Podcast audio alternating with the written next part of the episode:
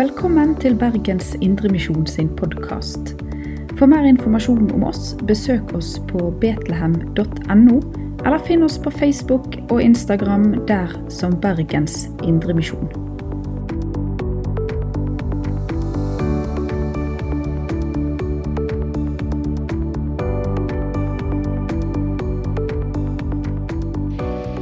Nå skal vi få lese ifra Bibelen i lag. Første Peters brev, kapittel 1, 1-6. Peter, Jesu Kristi apostel, hilser de utvalgte som lever i fremmed land, spredt omkring i Pontos, Galatia, Kappadokia, Asia og Bitynia.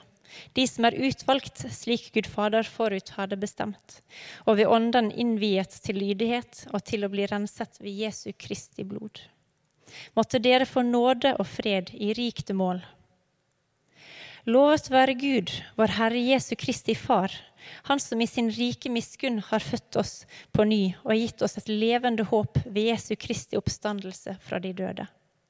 Vi skal få en arv som aldri forgår og ikke flekkes til eller visner. Den er gjemt i himmelen for dere, som gjennom Guds kraft blir bevart ved troen, så dere skal nå frem til frelsen den, som, den, ligger alt ferdig til å åpenbares ved tidenes ende. Derfor kan dere juble av glede, selv om dere nå en kort tid må ha det vondt i mange slags prøvelser, om så skal være. Tusen takk skal du ha. Takk for at jeg får være her. Jeg kunne nesten overnatte her. Jeg var her i går kveld med unge voksne. Det var veldig kjekt. Veldig, veldig kjekt. En flott eh, gjeng med unge voksne, ja. Men så er det så kjekt å være i Betlehem igjen. Ja, jeg sier igjen, det er jo ikke så ofte, da, men det har mest vært på sånn åpne dører-arrangement de senere årene.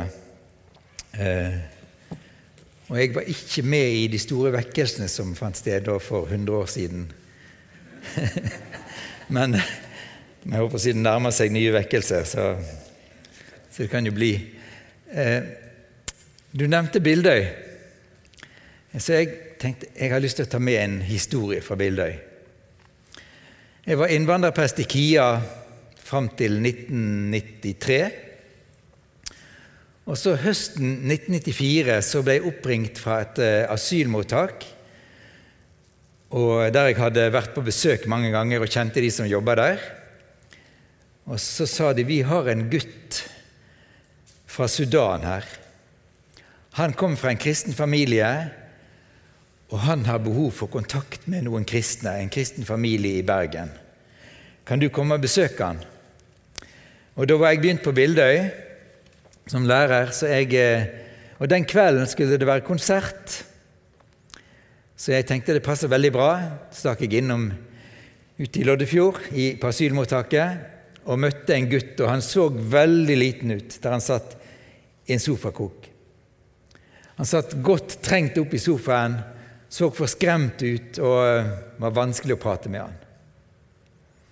Men jeg satt der, jeg hadde to-tre timer på meg, så jeg tenkte jeg bare sitter her med han, og så småprater vi litt, og så får jeg høre litt fra han, og så kan han bli litt kjent med meg. Pappaen hans hadde sagt til han at 'Dennis, uansett hvor du kommer i verden, vil du ha behov for å kunne snakke engelsk.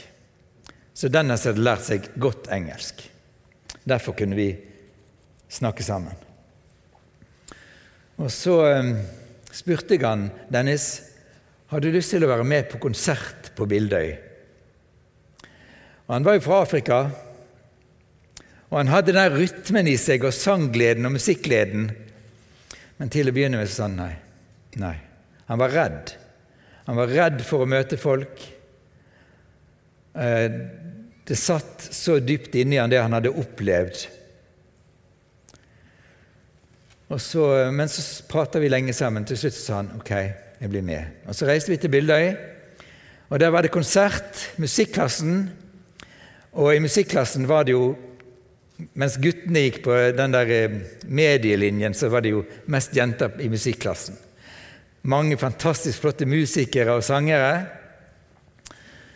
Og de begynte å synge og spille. Og Dennis satt der i stolen sin ved siden av meg. Satt bare og så tomt framfor seg. Men så etter hvert så la jeg merke til at han begynte. Og så ble han mer og mer med. Og så var det en fantastisk konsert. Det var så flotte sanger og, og flott musikk, og det var bare så herlig å være der. Og etter eh, konserten var slutt, så satte vi oss bort i inngangspartiet til bibelskolen. Og eh, Dennis var jo blitt forelska i disse jentene. I. Han var bare 13 år gammel, og de som gikk på skolen, det var jo 1920. sant? Men Dennis var blitt forelska i veldig mange av dem. Og disse jentene, eller kvinne, unge kvinnene kom og snakka med Dennis, og de ble forelska i han. Så det første Dennis spurte meg etterpå, det var kan jeg gå og begynne på den skolen. Eh, det kunne han jo ikke, han var 13 år gammel. Etter en stund så flytta Dennis inn hjemme hos oss og ble boende i mange år der. Og Det var en, eh, en fantastisk tid. Han bodde sammen med en kamerat fra Uganda. Det var en utrolig ja, rik tid, men det var en tøff tid. For Dennis bar med seg alle sårene, de sjelelige sårene han hadde. Eh, opplevelsen han hadde av en gud som var blitt borte for han. Og så I tillegg så hadde han en veldig alvorlig blodsykdom, så han var døden nær mange ganger. Og det har det fortsatt med også. Så begynte han å fortelle etter hvert historien sin. Det satt òg veldig veldig langt inne. Men det begynte faktisk en julaften. Da, ja, Det er en morsom historie, men jeg kan ikke ta det nå. Eh, men iallfall julaften. Så det som begynte som en litt dårlig julaften, det endte opp som en fantastisk kveld. Og Vi satt der, familien min, våre barn og, og Dennis og kameraten Rikard og vi hadde spist pinnekjøtt, og det smakte og lukta omtrent som geitekjøttet som Dennis var vant med at bestemoren hans lagde til når de skulle ha festmåltid. Så etter det så løsna det opp, og så begynte de, disse guttene å fortelle. og Dennis fortalte sin historie. Han fortalte om faren som hadde vært evangelist i Sudan, i Sør-Sudan, og som eh, ikke kunne la være å forkynne evangeliet. Det var livsfarlig, og de opplevde jo igjen og igjen, særlig under de kristne høytidene, hvordan kirkene ble bomba av fly som kom nordfra. De opplevde muslimske soldater som kom og drepte i landsbyene. Det var en fryktelig krig, og regimet i Khartoum hadde bestemt seg for at Sudan skal vi ta, og da har vi en åpen port sørover til resten av Afrika for å islamisere hele kontinentet. Og dette, Denne krigen hadde vart i flere tiår, i bølger. Og Så um, fortalte Dennis om dette, og så var det en gang Det var det kommet noen uh, menn hjem til hytta til bestemor, der Dennis bodde veldig mye fordi faren var ute på evangeliseringsreiser og hadde med seg kona si. Så Dennis bodde hos bestemor. Ehm, og så kom det noen menn en gang og sa det til faren at du må slutte med denne evangeliseringen. Du må slutte med å reise rundt og, og vitne om Jesus, for det er farlig for deg. Men han sa det at 'jeg kan ikke la være å fortelle om Jesus'. Det får koste hva det koste vil. Og så En dag så sa han til eh, sin mor og sin sønn at nå skal vi ut på reise igjen men kommer snart tilbake. Han dro av gårde med sin kone og kom aldri tilbake. Og eh, Krigen blussa opp igjen, og så kom det noen hjem til bestemors hytte med en sko, et armbåndsur, og det var alt. Det var det som var igjen etter faren. De hadde funnet etter faren. De fant ikke mora. Og Da bestemte bestemor og denne seg for at vi må flykte. Så flyktet de sammen med mange hundretalls andre til Uganda. Slo seg ned i en flyktningleir, bader der en stund. Dennis var syk, bestemor var syk, og bestemor døde. Den eneste Dennis hadde. Så eh, kom det en mann, og Dennis sier en veldig snill mann en gang, men jeg aner ikke hvem han var. Og sa det, 'Dennis, jeg skal hjelpe deg'. Han tok Dennis med seg sammen med tre-fire andre gutter. og De kom sannsynligvis til flyplassen i Entebbe sør for Kampala. Og Dennis fikk billett og inn på flyet. Og Flyet landa vel et sted på veien. Ja, det gjorde det. Og Dennis reiste seg og skulle gå av, og flyvertinnen måtte stanse og sa 'Hvor skal du?' 'Du har ikke billett hit. Du har billett til et sted som heter Oslo.' I et land som heter Norge. Og Dennis ante ingenting om verken byen eller landet. Og Så kom de til Oslo, og han hadde reist fra 30 plussgrader i, i Uganda til minus 15 i Oslo. Eh, og De andre guttene som da var med, de ble sendt nordover. Men eh, Dennis var rett på sykehuset i Oslo for behandling. Og Der sa de at han kan ikke reise til Nord-Norge. Han må til et mildt sted i Norge. Et varmt sted for at han skal kunne leve. Så kom han da til Bergen. Og Det var jo kjekt å komme til Bergen med regn og alt sånt. Eh, men han var helt alene og fremmed og masse traumer. Bestemor hadde sagt til Dennis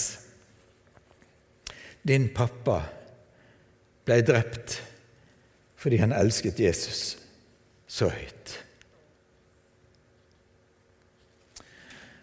For Dennis var dette umulig å forstå.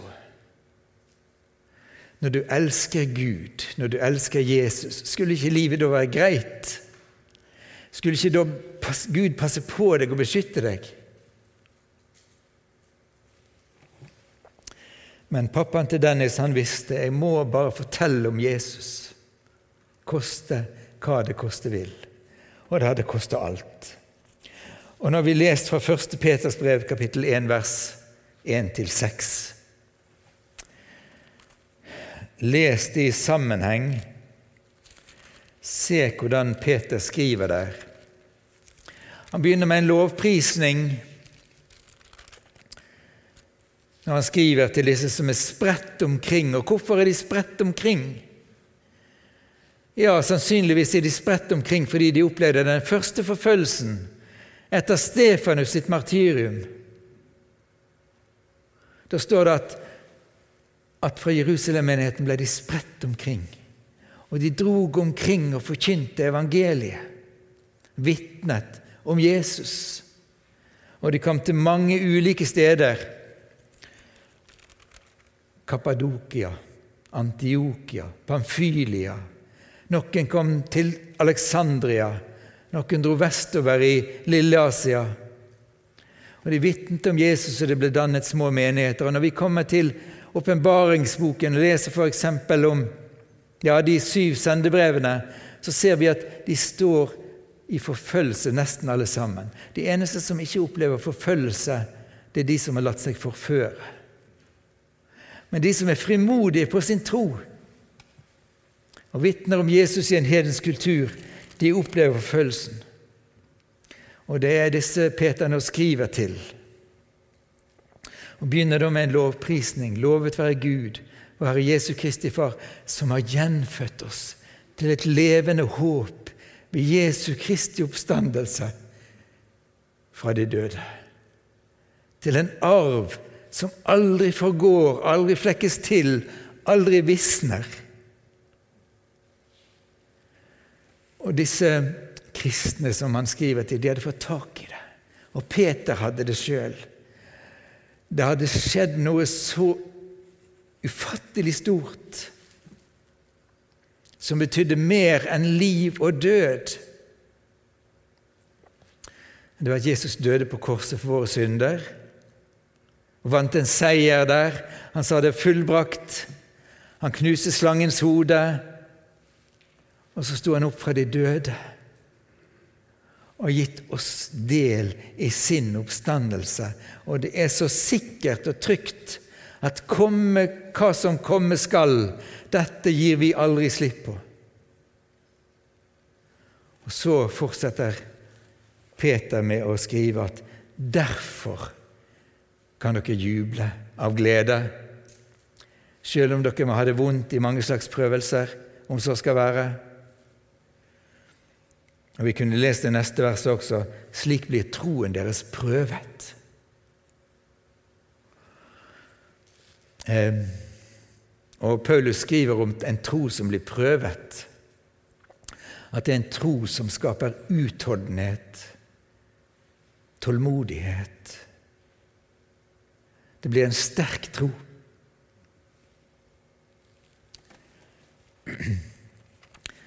Derfor kan dere juble. Jeg har lyst til å fortelle dere noen vitnesbyrd. Jeg fortalte litt i går, så en iallfall her har, har hørt noe av det. Men jeg, eh, jeg eh, hadde vært innvandrerprest som sagt i byen her og hadde møtt veldig mange fra Vietnam. Og hadde sjøl veldig lyst til å reise til Vietnam. Og mange av de flyktningene som var fra Vietnam, de kunne ikke reise hjem. Men de hadde så lyst til å sende hilsen til sine foreldre, søsken, naboer, venner. Og så um, fikk jeg et stipend, så jeg fikk reise til Vietnam. Og jeg fikk komme i Det var veldig ålreit for meg å reise på den reisen fordi det var i samarbeid med FN. FNs høykommissær for flyktninger hadde lagt opp det meste. Og så gjorde jeg litt ulovlige ting også underveis, men det måtte jeg bare. Og så var jeg i en menighet i Saigon. Eh, ungdommene som var med i den menigheten, de visste at vi blir overvåket. Og det var jo forbudt for pastoren og for menigheten å forkynne evangeliet til ungdom under 18 år. Men disse ungdommene de kom, og de gjorde seg godt synlige. Alle de unge guttene var kledd i hvite skjorter, og jentene var også fint kledd. Og Vi var i en menighet der eh, Høyttalerne peip og skreik, og det var ikke vinduer i kirkebygget.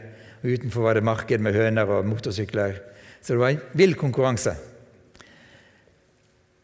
Men disse folkene som var der, var altså masse ungdommer som visste at de kunne miste skolegangen sin, hele utdannelsen. De fikk kanskje ikke arbeid, og foreldre dem med, så var foreldrene også utsatt for forskjellige typer diskriminering trøbbel. Men jeg har jeg tror aldri, aldri i hele mitt liv, selv om jeg har opplevd mye fint, aldri opplevd en ungdomsflokk som har utstrålt en sånn glede.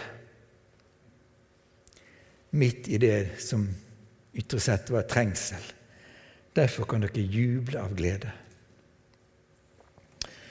Så For noen år siden så så var jeg i Sentralafrikanske republikk. Det var en eh, geriljagruppe fra nordøst som for det meste bestod av muslimer. Seleka, som da hadde hatt en voldsferd fra nordøst og sørover til ulike deler og mot hovedstaden. Og de hadde drept og de hadde lemlestet barn og de hadde voldtatt kvinner. og de hadde brent ned, og det var helt forferdelig. Så skulle vi besøke en menighet vi, i en by ned mot grensen til Kamerun. Og da vi kom dit, så spurte han som var, han som var leder av gruppen vår, om jeg kunne forkynne. Og jeg sa det er greit, men jeg tenkte jo ikke så mye på at det fremmedspråket som de kunne, det var fransk. Jeg kan ikke si jeg er kan parle så mye av fransk. Eh, så, og tolken han kunne nesten ikke noe engelsk. Det var dårlig. Så det kan godt hende at det han tolka, var mye bedre enn det jeg forkynte. Sannsynligvis. Eh, men iallfall Men denne menigheten her, de hadde ikke vært sammen på jeg vet ikke hvor lenge. Vi snakker om trøbbel under korona. Jeg tror at vi, kjære venner, har veldig godt av å løfte blikket vårt litt. Det er ikke store problemer i Norge under koronatiden. Hvis vi tenker på hvordan andre rundt om i verden har det. Enten det er noe under forfølgelse eller ikke. Men korona har gjort det mye færre for mange av våre søsken rundt om i verden med diskriminering og forfølgelse. F.eks. i India mye, mye verre. Der kristne ikke får tilgang til vannkildene. Der de blir anklaget for alt mulig som har tilknytning til korona. Der, blir, der de får en brøkdel av de, den maten som andre blir tildelt. Fordi de er kristne, så får de ikke. Men ok, der i denne De hadde ikke vært sammen på lang, lang tid. Kirkebygget deres var knust i fillebiter. Det var bitte litt igjen av disse mursteinsveggene. Ingen tak. Alt annet var ødelagt. Og der kom de, kvinnene kom der med forskremte ansikter. Du kjente smerten som gikk langt inn. Også noen gutter som hadde med seg sine hjemmelaga trommer. Og så begynte vi, og de begynte å synge og snakke om lovsang. Til å begynne med så var det ganske så stille. Det var ikke mye lyd, det var ikke mye glede, men vi sang sanger om Jesus. Og så begynte guttene litt etter hvert å spille på håndtrommene sine. Og så eh, reiste noen kvinner seg og begynte å synge og bevege litt på seg, sånn som de var vant til fra før. Og så bare steig det etter hvert som vi sang mer om Jesus. Og til slutt så hadde du full bevegelse og dans, og guttene spilte heftigere og heftigere.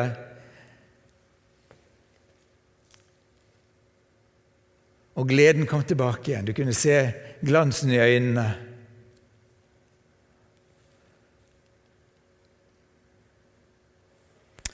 Det var utrolig sterkt når de retta blikket på Jesus,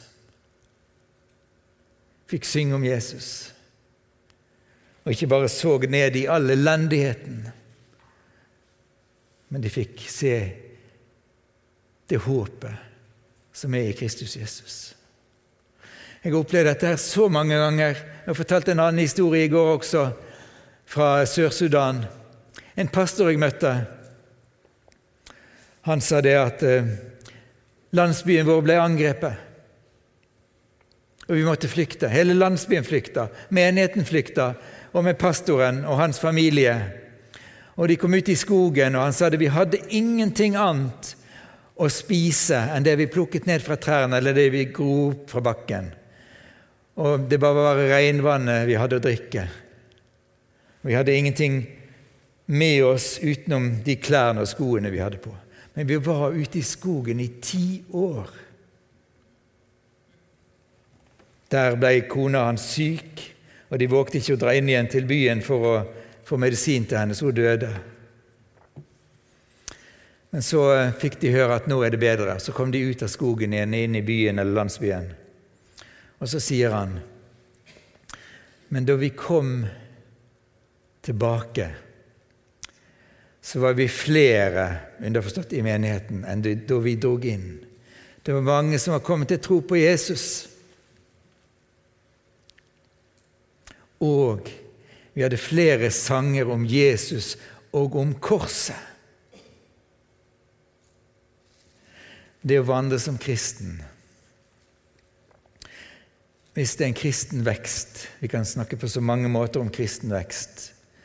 Men jeg tror at en kristen vekst alltid fører oss dypere inn i korsets mysterium og i jubelen over Jesu oppstandelse. Ting kan være kjempevanskelig i livet. Men det er trekk som går igjen helt ifra urkirken, oldkirken, og fram til i dag, hvis vi ser på de store vekkelsene. Og det at de største vekkelsene ofte finner sted der det er trengsler for Jesu navns skyld, der det er forfølgelse. Og frafallet, det finner sted når det er forførelse. Og derfor har, tenker jeg bare mer og mer sånn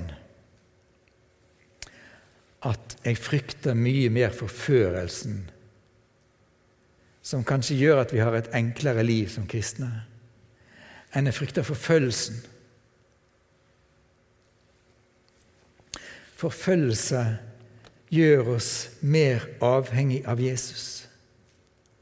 Det kan være tøft med forfølgelse, selvfølgelig kan det det. Og til alle tider under forfølgelse så er det også noen som har forlatt det kristne fellesskapet, holdt troen sin skjult, vært redde. Men hvis vi ser, bare om vi ser på de store vekkelsene vi kjenner Tenk på Oldkirken. Jeg var på et foredrag i går om Oldkirken, hva vi kan lære fra Oldkirken og kirkefedrene våre. Og Da jeg leste dogmatikk i teologistudiet mitt, så leste jeg stort sett sånn om trosbekjennelse og dogmedannelse. Hvordan kan vi tro at Jesus er sann Gud og sant menneske, og hva betyr treenigheten? Og Utrolig mye interessant og viktig. Og vi må takke Oldkirken og kirkefedrene våre for at de arbeidet så grundig med dette. Så vi fikk hamra fast at Jesus er sann Gud og sant menneske. Og vi kan forklare det ut fra Bibelen.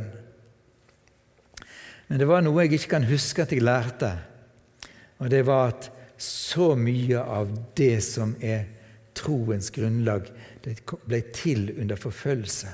I Oldkirkens 300 første år så var det ti store og ofte langvarige forfølgelsesbølger.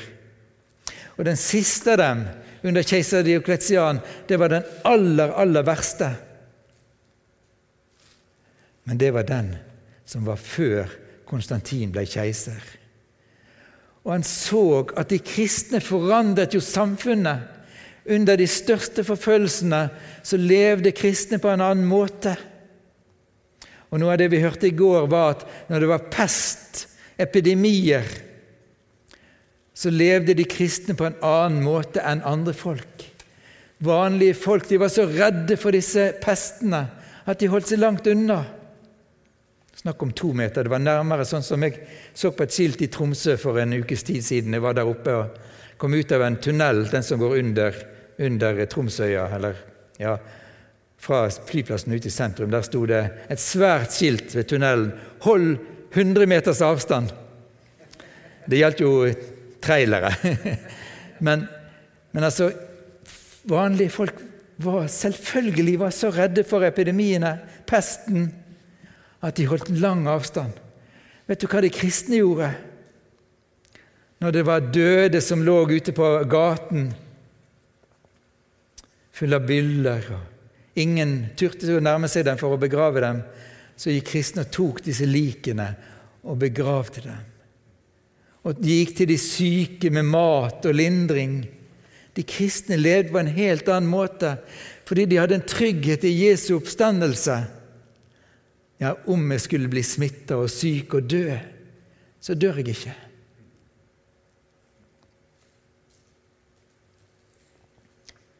Et enormt vitnesbyrd. Det skjedde jo det samme i denne byen i Kina, der koronapandemien brøt ut. Kristne gikk ut på gatene og tok seg av de syke. Før politiet stansa dem. Myndighetene sa dere får ikke lov. Det er et annerledes liv for den som har en trygghet i håp om oppstandelse og evig liv. Um,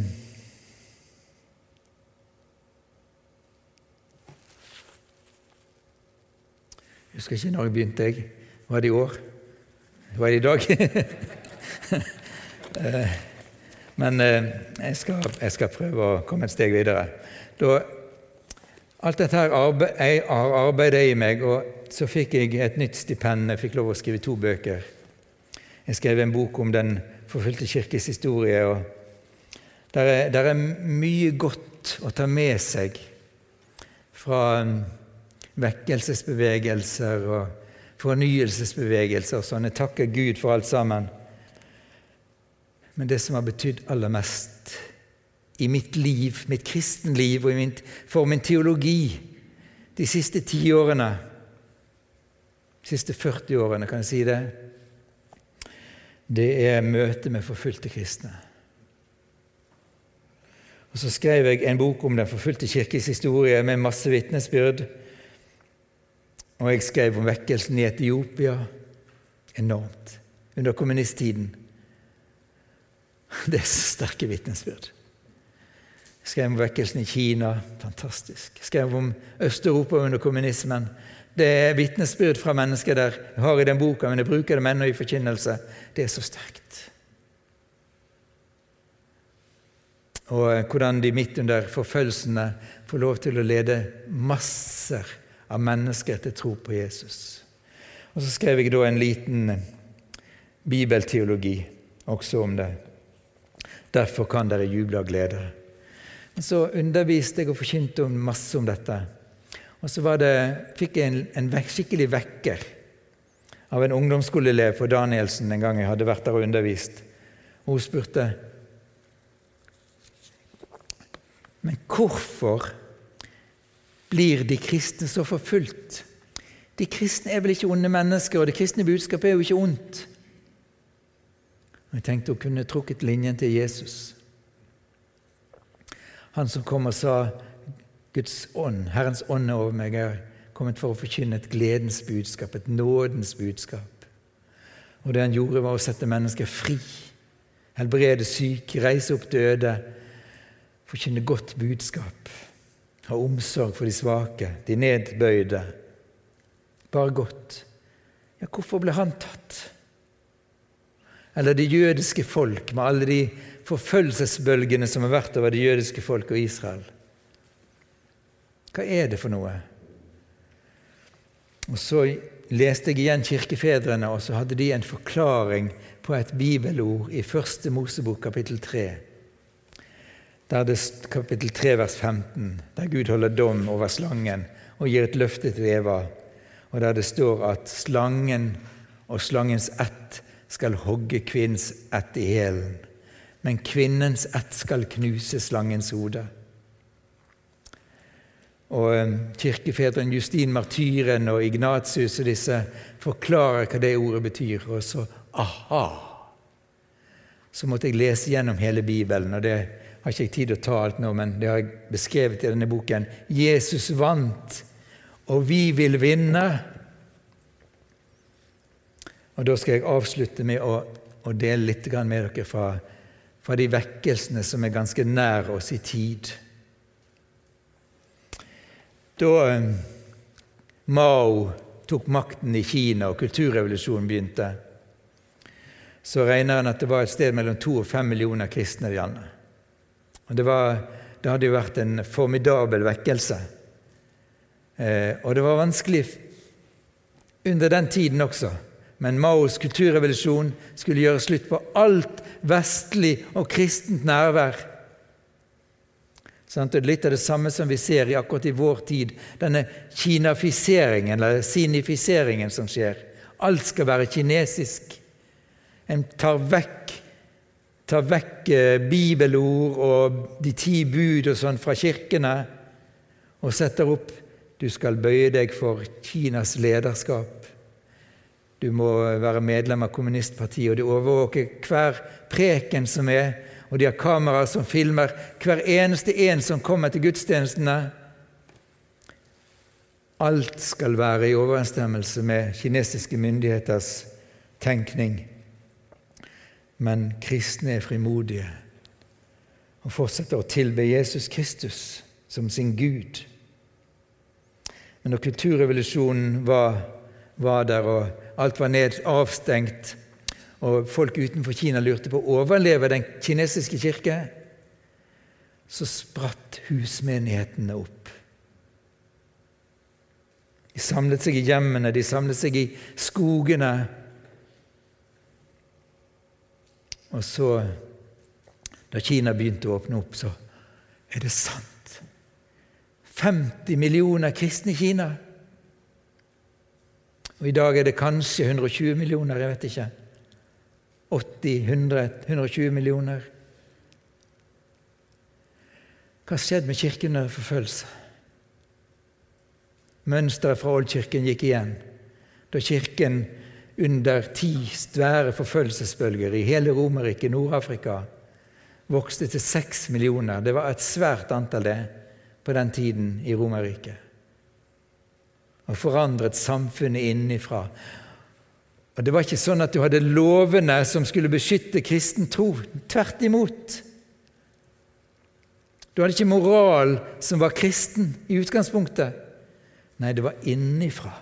Det var lyset som ikke kan slukkes. Det var, det var saltet i de kristnes bekjennelse og liv som forandret samfunnet nedenifra. Som etter hvert fikk innflytelse, som også fikk påvirkning på lovgivning, på ekteskap, på abort, alt sånt. Det var noen som så at dette er jo godt. Vi kan ikke stanse det. Hvor er den største vekkelsen i prosent i verden i dag? Iran. På 19, over 19% årlig. Og i Afghanistan på ca. 17% Det er ikke til å tro. Og eh, når en for noen tiår siden sa at den muslimske verden virker helt umulig å nå med evangeliet, hva skjer i dag? Det er ikke vestlige misjonærer. Jeg kan si at det er ikke, det er ikke mennesker engang, det er Gud. Alle disse såkalte insiderbevegelsene i den muslimske verden som gjør at mennesker strømmer til Jesus. I land etter land. I Syria, i Algerie, Berbere, som var et kristent folk for 1400 år siden, begynner å komme tilbake til Jesus. Siste ti årene har vært en enorm vekkelse. Afrika sør for Sahara, der evangeliet i mange steder, mange land ikke var kjent for 150 år siden. Nå er det 80% 90% som hører til en kristen kirke. Hva er det som skjer? Og jeg har en det begynte for mange år siden, det òg. Det var i 1993, tror jeg. Jeg møtte en somalier på asylmottaket i, i Løbergsveien. Fortvilt somalisk kvinne. Hun var kledd som det mest eh, ortodokse muslim. Kunne bare se øynene hennes, men i øynene så, så jeg at hun fortvilt, var fortvilt. Og det hun sa, talte om det samme. Det var kommunismen som hadde ødelagt landet. Det var Saudi-Arabias innflytelse som hadde enda mer ødelagt det. Hun var flyktning. Og så fikk jeg dele med henne ut fra Jesaja 42 om Han, Herrens tjener, som ikke kommer, som ikke kom for å knekke et brukket rør og ikke slokke en rykende veike. Bare fikk fortalt litt uten å si at det var Jesus. Men det skapte en sånn lengsel i henne. Det var noe nytt. En som forkynner fred og frihet istedenfor å lage bråk på gaten og skremme. Jeg bare parafraserte Jesaja 42. Og Så sa stansa meg og sa vet, jeg må hente noen andre som forstår engelsk bedre. Så løp hun av gårde. Så har hun sikkert fortalt om denne skrullingen som sto der oppe. Så hun kom ikke tilbake, og det kom ingen andre, for da hadde de skjønt at jeg sto der og snakket om Jesus. Men siden den gang så har Somalia og somaliere ligget på mitt hjerte. og nå, nå, nå er det en vekkelse på gang. Jeg har sagt når jeg har vært og forkynt i baptistkirken oppe på Sletten, at uh, når jeg reiser forbi med Bybanen der Vi har jo kontor i Åpne dører like nedenfor så, på Wergeland. Så, så, sier jeg at det er sjelden jeg ber for uh, menigheten som er men jeg ber for alle disse somalierne som jeg ser går av og på Bybanen. Og vet du det forunderlige er? Jeg får lov å følge med litt på, på noen Facebook-sider som New Somali Christians, nye somaliske kristne, har. Og det er så sterke vitnesbyrd. Mens de fleste av norske vennene mine på, på Facebook forteller om sol og regn og vind og sjø og ferie og alt sånt. Så disse her somaliske kristne, eller nigerianske kristne, eller pakistanske kristne, de vitner om Jesus. Og nå For et par dager siden var det en av de nye somaliske kristne som skrev Å, jeg bare lengter etter, og jeg tror det kommer snart, en stor vekkelse i Somalia.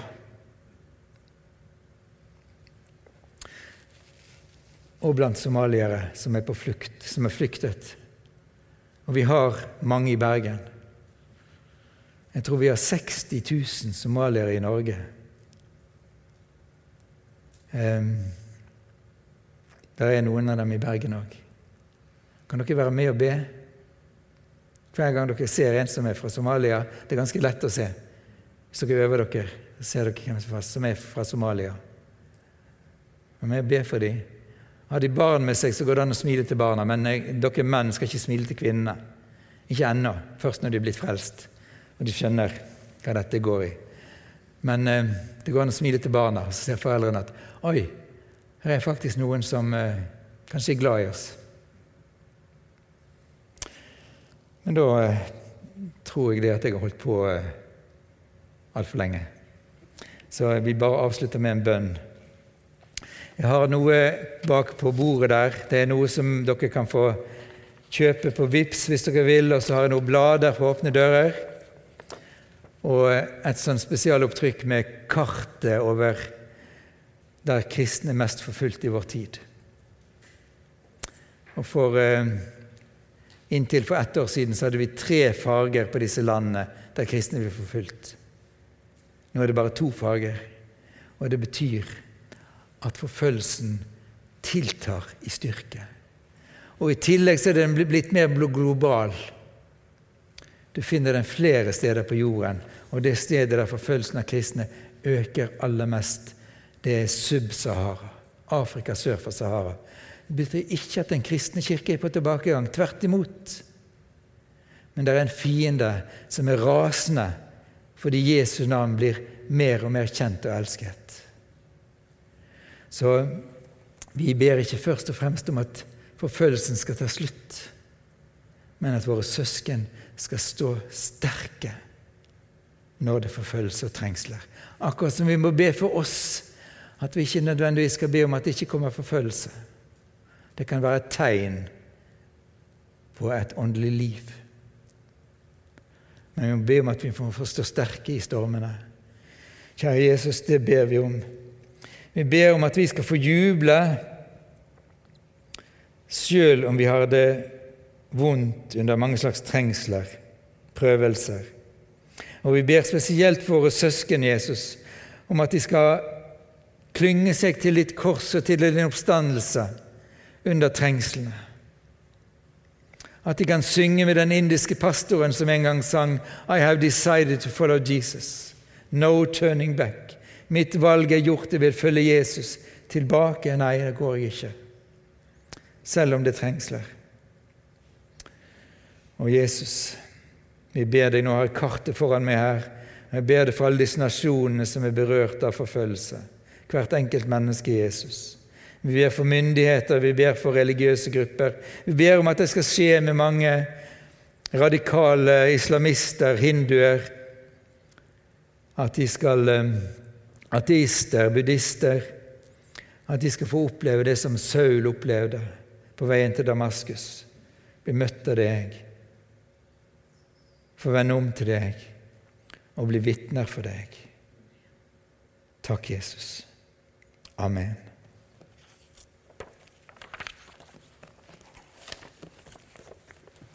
Takk for tålmodigheten, men den åndens frukt. Du har lytta til Bergens Indremisjon sin podkast. For mer informasjon om oss, besøk oss på betlehem.no, eller finn oss på Facebook og Instagram der som Bergens Indremisjon.